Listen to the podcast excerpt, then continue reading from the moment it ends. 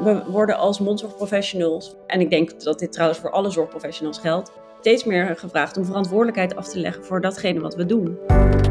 Je luistert naar NTVT Dentalk, de podcast van het Nederlands tijdschrift voor tandheelkunde. We gaan hier in gesprek met belangrijke experts, interessante onderzoekers en boeiende ervaringsdeskundigen. En misschien wel met jou. De presentaties in handen van tandarts en adjunct hoofdredacteur Maurits de Kuiper. Klinisch onderzoek is relevant voor de dagelijkse praktijk en dient als de basis voor de ontwikkeling van richtlijnen. De afgelopen jaren ligt echter de nadruk vooral op het fundamentele onderzoek. Hoe dichten we nou die kloof tussen de wetenschap en de praktijk? In deze Dentalk podcast gaan we hierover in gesprek met Puk van der Woude, die promoveerde op dit onderwerp. Puk, van harte welkom. Je hebt in je promotie de focus gelegd op het verbinden van de perspectieven. En als ik dan even de voorkant van je proefschrift erbij pak, staat er een kloof afgebeeld. En aan één kant van die kloof zie je een hele kleine dame die uit alle macht probeert om die kloof te dichten. Ben jij dat zelf? hey Maurits, ja dank je. Nee, dat ben ik uh, niet zelf. Dit is een symbolische dame en uh, wat mij betreft symboliseert zij uh, alle initiatieven die ik in mijn proefschrift heb beschreven om de verschillende werelden of de verschillende perspectieven, bijvoorbeeld van onderzoekers en mondzorgverleners, maar ook tussen patiënt en mondzorgverleners met elkaar te verbinden. Dus ik vond het wel mooi om daar een, uh, een kleine dame voor op de kaft af te, af te beelden. Die kleine dame probeert het alle macht een kloof te dichten. Maar hoe is je interesse voor die kloof eigenlijk ontstaan? Ja, ik ben in 2007 afgestudeerd en uh, na mijn studie heb ik een uh, aantal jaar in de praktijk gewerkt. En toen ik solliciteerde op dit onderwerp was ik zowel werkzaam als klinisch docent op ACTA, maar ook als tandarts. En ik merkte dat ik best wel vaak er tegenaan liep dat mensen op verschillende manieren behandelden. Of hun eigen voorkeur hadden, of er een totaal andere mening hadden dan ik, of dan wat we op ACTA aan onze studenten uh, leerden. Dus er is gewoon veel behandelvariatie. En ja, ik denk dat daar ook mijn interesse voor kwaliteitsbeleid en richtlijnen bijvoorbeeld is ontstaan. Dus toen deze promotieplek uh, beschikbaar kwam, dat was in 2015, heb ik daarop gesolliciteerd. En aan het begin van zo'n promotie begin je natuurlijk met inlezen. En een van de stukken die ik toen van mijn promotor Geert van der Heijden als eerste kreeg aangereikt, was het uh, rapport van de Gezondheidsraad in 2012, de mondzorg voor morgen. Ja, daarin dan heel veel dingen die ik herkende. En um, dat is eigenlijk een soort van de basis geweest ook voor dit, uh, voor dit onderzoek. Ja, wat leuk joh. Dan is het eigenlijk wel op een goed moment op je pad gekomen, zodat je ook je proefschrift in een maatschappelijk kader kunt inbedden. Als ik dan zo kijk naar je proefschrift, heb je meerdere doelgroepen met elkaar verbonden. Hè? De onderzoekers, de mondzorgverleners en ook zeker niet onbelangrijk onze patiënten. Door een agenda voor de mondzorg samen te stellen. Maar waarom is zo'n agenda voor onderzoek eigenlijk relevant voor ons als mondzorgverlener? We hebben het al best wel druk met onze alledaagse zorg uh, in de praktijk. En staat altijd onderzoek niet toch te ver af van wat we eigenlijk in de praktijk aan het doen zijn? Ja, Nee, ik begrijp, uh, ik begrijp je vraag. En ik denk als je inderdaad naar de dagelijkse werkzaamheden van een mondzorgverlener kijkt, dat je daar met een kennisagenda en dit onderzoek niet per se een heel direct effect op hebt. Maar het is natuurlijk wel zo dat er vanuit de maatschappij een toenemende vraag klinkt naar transparantie over de kwaliteit van de mondzorg. En dus we worden als mondzorgprofessionals, maar, en ik denk dat dit trouwens voor alle zorgprofessionals geldt, steeds meer gevraagd om verantwoordelijkheid af te leggen voor datgene wat we doen. Dus ik denk dat je daar ook als mondzorgverlener in de praktijk wel mee te maken zult krijgen dat je vragen krijgt over de kwaliteit van de mondzorg. Uh, bijvoorbeeld over bepaalde behandelingen en hoe die zich dan verhouden tot kosten. En daar kunnen resultaten uit wetenschappelijk onderzoek natuurlijk hartstikke goed bij helpen. Maar dan moet dat onderzoek wel voorhanden zijn en toegankelijk zijn voor die mondzorgverleners. Daar is het denk ik nog een grote kloof die we hier met de kennisagenda geprobeerd hebben te dichten. Kun je ons dan eens meenemen? Waar zat dan het grootste gedeelte van die kloof als het ging om dat onderzoek wat relevant is voor de dagelijkse praktijk? Nou, ik heb in mijn proefschrift eerst onderzocht wat er nu al aan onderzoek plaatsvindt binnen de mondzorg. Daarvoor hebben we gekeken naar onderzoeksinstituten. En die onderzoeksinstituten, daarvan zagen we dat die zich steeds meer gingen richten op onderzoek buiten de tandheelkunde. Dat is op zich ook niet zo gek dat onderzoekers zich op dit moment heel erg richten op wat buiten de tandheelkunde valt. En dat heeft te maken met het reputatiesysteem waar uh, onderzoekers mee te maken hebben. Ze worden eigenlijk afgerekend op uh, citatiescores. Het is heel erg reputatiegedreven waardoor ze soms uit het oog verliezen waar ze het eigenlijk voor doen. Want het belangrijkste doel van wetenschappelijk onderzoek is natuurlijk relevante kennis aanleveren aan de maatschappij. En daar zit denk ik een belangrijke hiaat. De onderzoekers hebben andere belangen dan de patiënten en de mondzorgverleners hebben.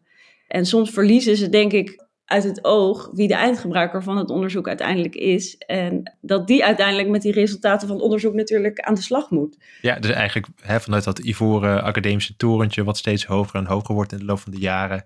Terwijl het uiteindelijk helemaal niet uh, relevant hoeft te zijn voor de dagelijkse praktijkvoering of uiteindelijk de patiënt hè, die in, in, je stoel hebt liggen.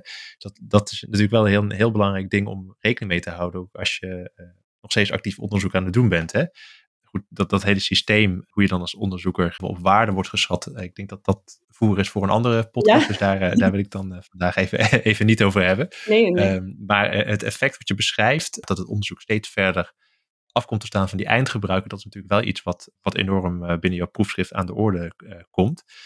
want een van de dingen die je dus eigenlijk ook hebt gedaan om die kloof te dichten, is die agenda voor de mondzorg opgesteld. Kun je ons meenemen hoe je dat dan doet, zoiets? Want het lijkt me toch best wel lastig, hè? een hele agenda opstellen voor de hele mondzorg in Nederland.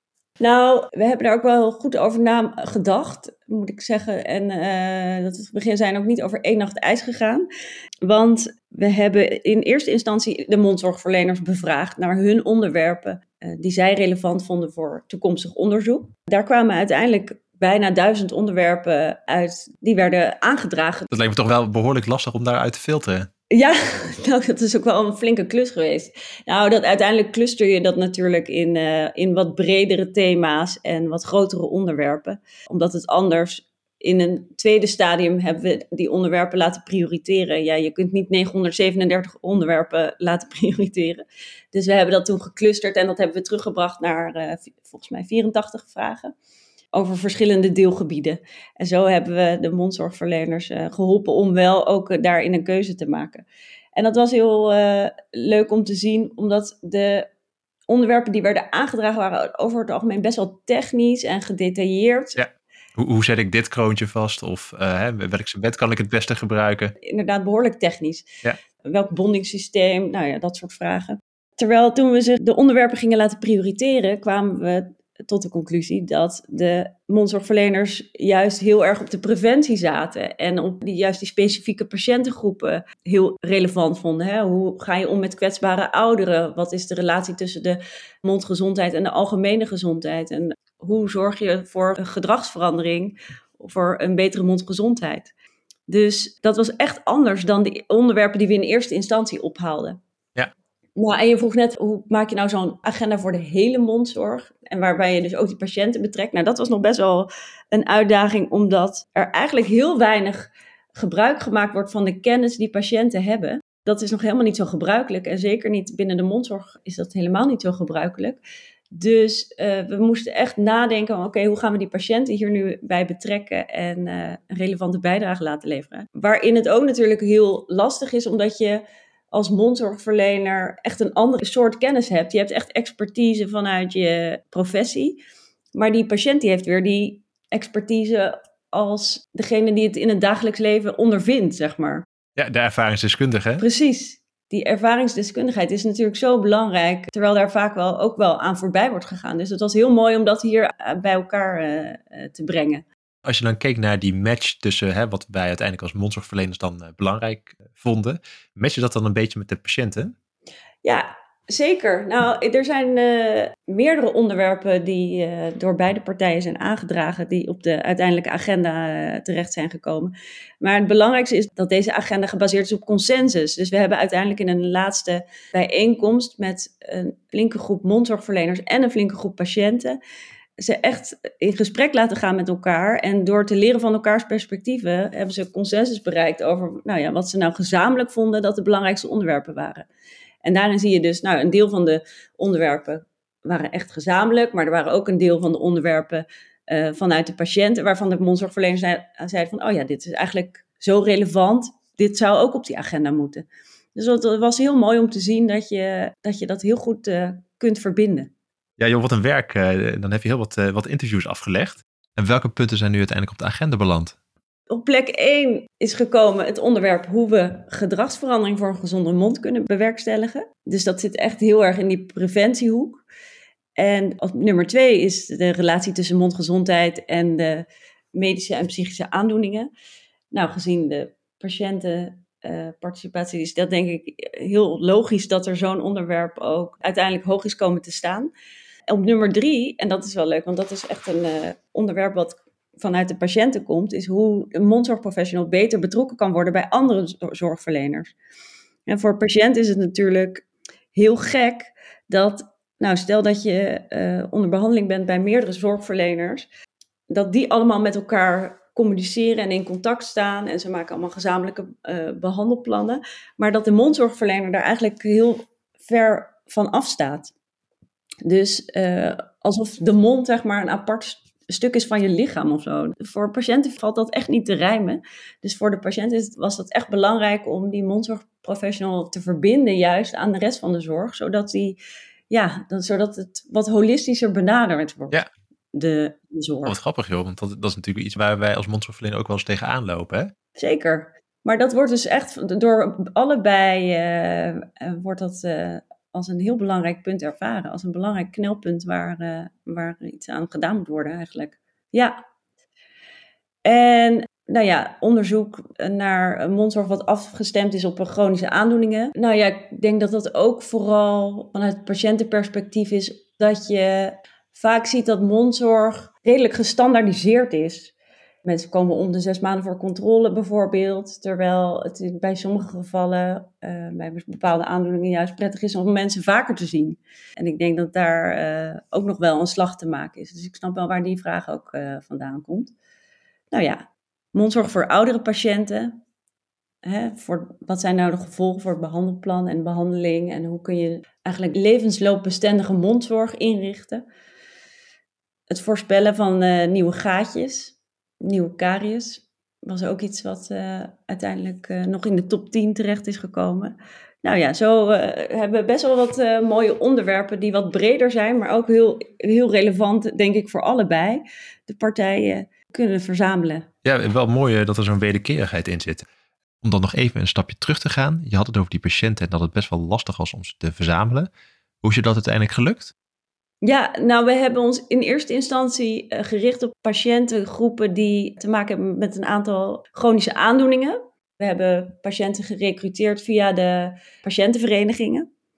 Want dat is natuurlijk een, een, redelijk goed georganiseerd geheel. En die patiënten zijn ook vaak wel gewend om met onderzoek mee te doen. Die vinden dat ook leuk.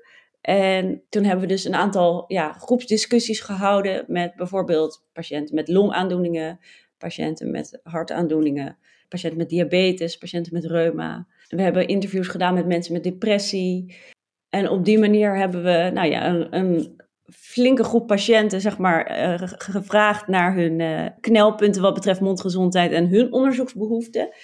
En al die, die uh, onderwerpen die we toen hebben opgehaald, die hebben we ook weer uitgezet in een enquête en laten prioriteren. En die hebben we uitgezet onder een hele brede groep. Dus niet meer alleen maar onder die patiëntengroep, maar juist iedereen mocht eigenlijk deelnemen, ook al had je geen chronische aandoening. Mm.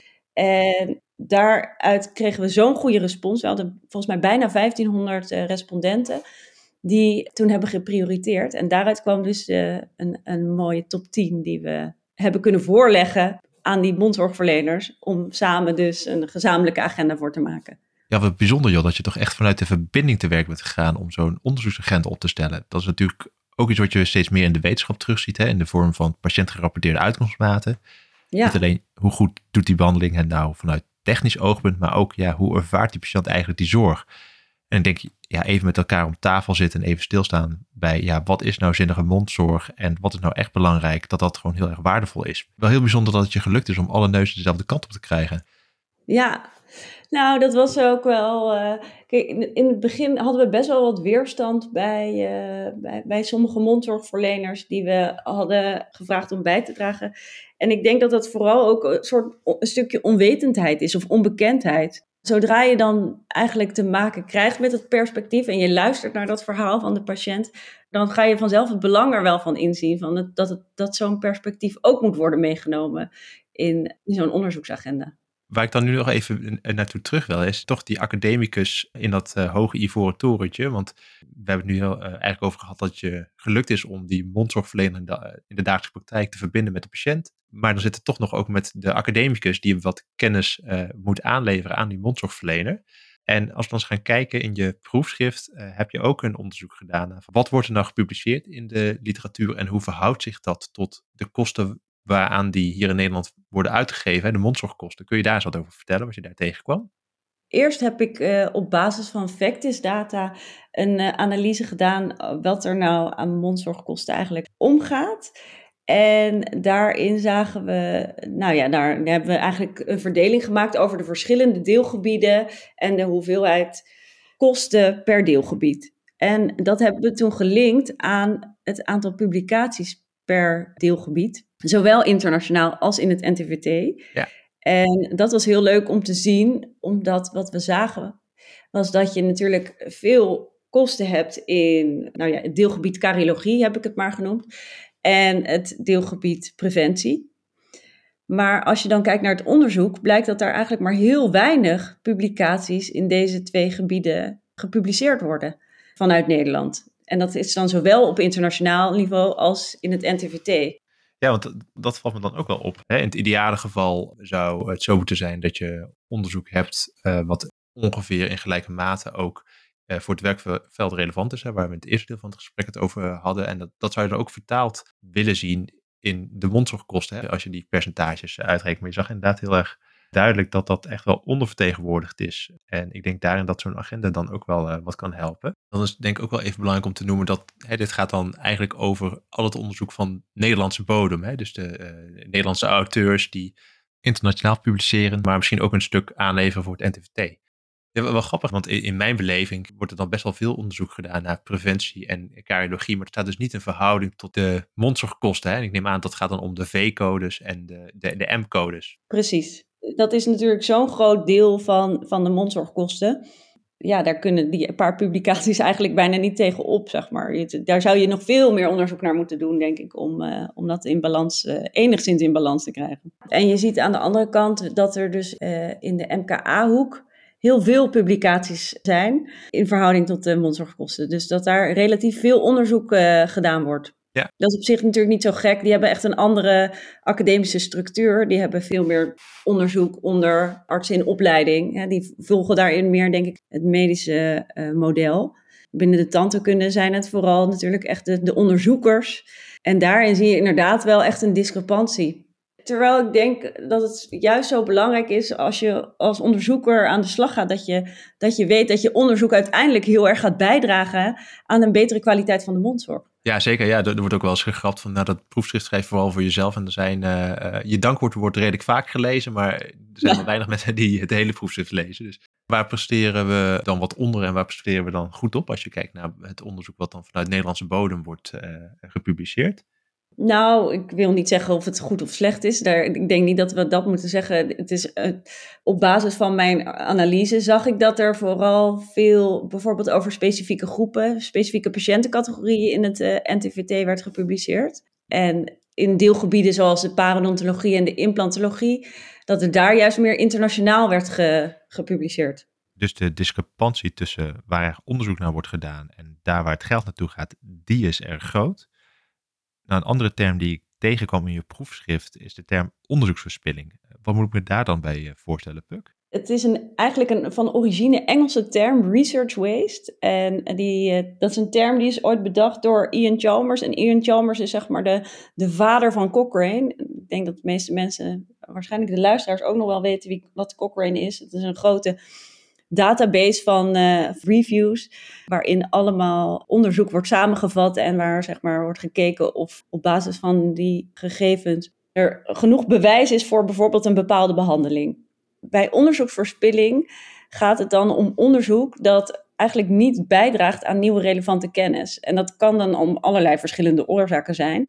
Een van de oorzaken is, nou ja, daar dat is de oorzaak waar ik me vooral in mijn onderzoek op heb gericht, is worden wel de relevante onderzoeksvragen onderzocht. Zowel relevant voor de eindgebruikers, maar ook dus als je kijkt naar wat gebeurt er eigenlijk in het werkveld. Hè? Dus in de tandheelkunde, er wordt veel preventie uitgevoerd, er wordt veel uh, restauratief werk gedaan. Worden dan op dit moment wel de juiste onderzoeksvragen onderzocht? Maar je kunt ook onderzoekverspilling hebben op andere oorzaken. Namelijk als je een onderzoek hebt uh, ontworpen of je, en je gebruikt niet het juiste design of je gebruikt niet de juiste statistische analyse, maar je doet wel bepaalde uitspraken. Dan is zo'n onderzoek natuurlijk eigenlijk ook niet, voldoet ook niet aan datgene wat we uh, zouden willen. Namelijk dat je de uitkomsten van onderzoek kan gebruiken in de, in de zorg. Ja, dan ben ik wel benieuwd. Hè? Uh, als je nu zo teruggeeft op je promotie, is het je dan gelukt om de kloof wat te dichten? Nou, gelukkig was dat niet het doel van mijn, uh, van mijn promotie. Ik heb natuurlijk vooral geprobeerd om die kloof met wetenschappelijk onderzoek zichtbaar te maken. Dus ik heb in ieder geval wel iets aan kunnen leveren wat kan helpen om de kloof te dichten. Ik denk dat dat het belangrijkste is. En ik heb aangetoond dat er op dit moment in de tandheelkundige onderzoeksportefeuille eigenlijk een soort ja, echt een disbalans is, waarbij er vooral veel nadruk ligt op uh, ja, meer het fundamentele onderzoek. En fundamenteel onderzoek is eigenlijk het onderzoek wat, ja, het is het tegenovergestelde van, van toegepast onderzoek. Dus eh, onderzoek wat je kan toepassen in de praktijk. Het is echt gebaseerd op het vergaren van kennis uit nieuwsgierigheid vaak van de onderzoekers. En het richt zich vaak bijvoorbeeld op uh, het onderzoek doen naar cellen of materialen. Maar dat fundamentele onderzoek wat er nu, waar nu heel veel nadruk op ligt en eigenlijk oververtegenwoordigd is, dat vertegenwoordigt natuurlijk vooral het perspectief van die onderzoeker, terwijl de patiënt en de mondzorgverlener daar ook een rol in moeten hebben. En ik, dat ik dat heb kunnen aantonen in mijn, uh, in mijn proefschrift, daar ben ik heel trots op eigenlijk. Want als we dan even in beeldspraak denken, hè, uh, op een schaal van het klein diasteem tot de Grand Canyon, hoe, groot is die kloof die je dan zichtbaar heeft gemaakt? Nou, ja, ik denk dat hier nog wel een, een grote kloof te dicht is. Ik, ik uh, denk dat hier nog wel een, een paar generaties onderzoekers mee aan de slag kunnen voordat we echt die kloof kunnen dichten. Maar ik denk dat het wel ook in de tijdsgeest is dat mensen verantwoordelijkheid moeten afleggen voor datgene wat ze doen. En dat ze daarin, zeg maar, de tijdgeest mee hebben. En onderzoekers steeds meer moeten gaan nadenken van oké, datgene wat ik nu ga onderzoeken, is dat wel relevant? Is het niet al onderzocht? Heb ik de juiste methodologie en analyse? Dus er is wel een steeds grotere roep om, uh, om, om hier een kwaliteitsslag in te maken. En ik denk dat dat wel heel belangrijk is. Maar die kloof, die is, uh, die is ja, die is wel groot. Zo, zoiets van Amsterdam naar Groningen, zeg maar. In ieder geval eh, nog genoeg kansen voor uh, promovendi om de komende jaren uh, op, uh, op los te gaan. Zeker. Je had het over verantwoordelijkheid. Hè? En ja, dan, je hebt natuurlijk ook de publicatie in het NTVT onderzocht. Dus ja, dan wil ik eigenlijk afsluiten met de vraag van... Goh, wat kunnen wij als NTVT dan nog doen om een bijdrage te leveren... om die kloof toch wat te verkleinen? Ik denk eigenlijk dat het NTVT al een, een hele grote bijdrage levert aan het verkleinen van die kloof. Omdat het, ja, het doel van het NTVT is juist om die mondzorgverleners, die, die mensen in het werkveld die niet met onderzoek bezig zijn, toch te bedienen met kennis uit wetenschappelijk onderzoek. En doordat het NTVT dat toegankelijk maakt op allerlei manieren, in podcast, in het, in het uh, tijdschrift, webinars, denk ik echt dat, dat het NTVT een, uh, een belangrijke bijdrage levert om uh, die mondzorgverlener daar, daarin te voorzien. Dus ik denk dat het wat het NTVT betreft, daar ligt het niet aan, zullen we maar zeggen. Nou, dat is in ieder geval ook fijn om te horen dat we op de goede weg zijn. En uh, we blijven natuurlijk ons best doen om het onderzoek naar de praktijk te halen en andersom waar dat mogelijk is. Puk, ik wil je bedanken voor jouw toelichting op je proefschrift. Ja, nogmaals bewondering voor de hoeveelheid werk die je hebt verzet om toch die verbinding te zoeken tussen al die belanghebbenden, hè, de onderzoekers, de bondzorgverleners en zeker niet onbelangrijk onze patiënten. Enorm knap, nogmaals dank. En hiermee zijn we aan het einde gekomen van deze Dentak podcast, waar we in gesprek waren met Puk van der Woude over de agenda voor de mondzorg. Dank voor jullie aandacht. Tot de volgende Dentalk podcast.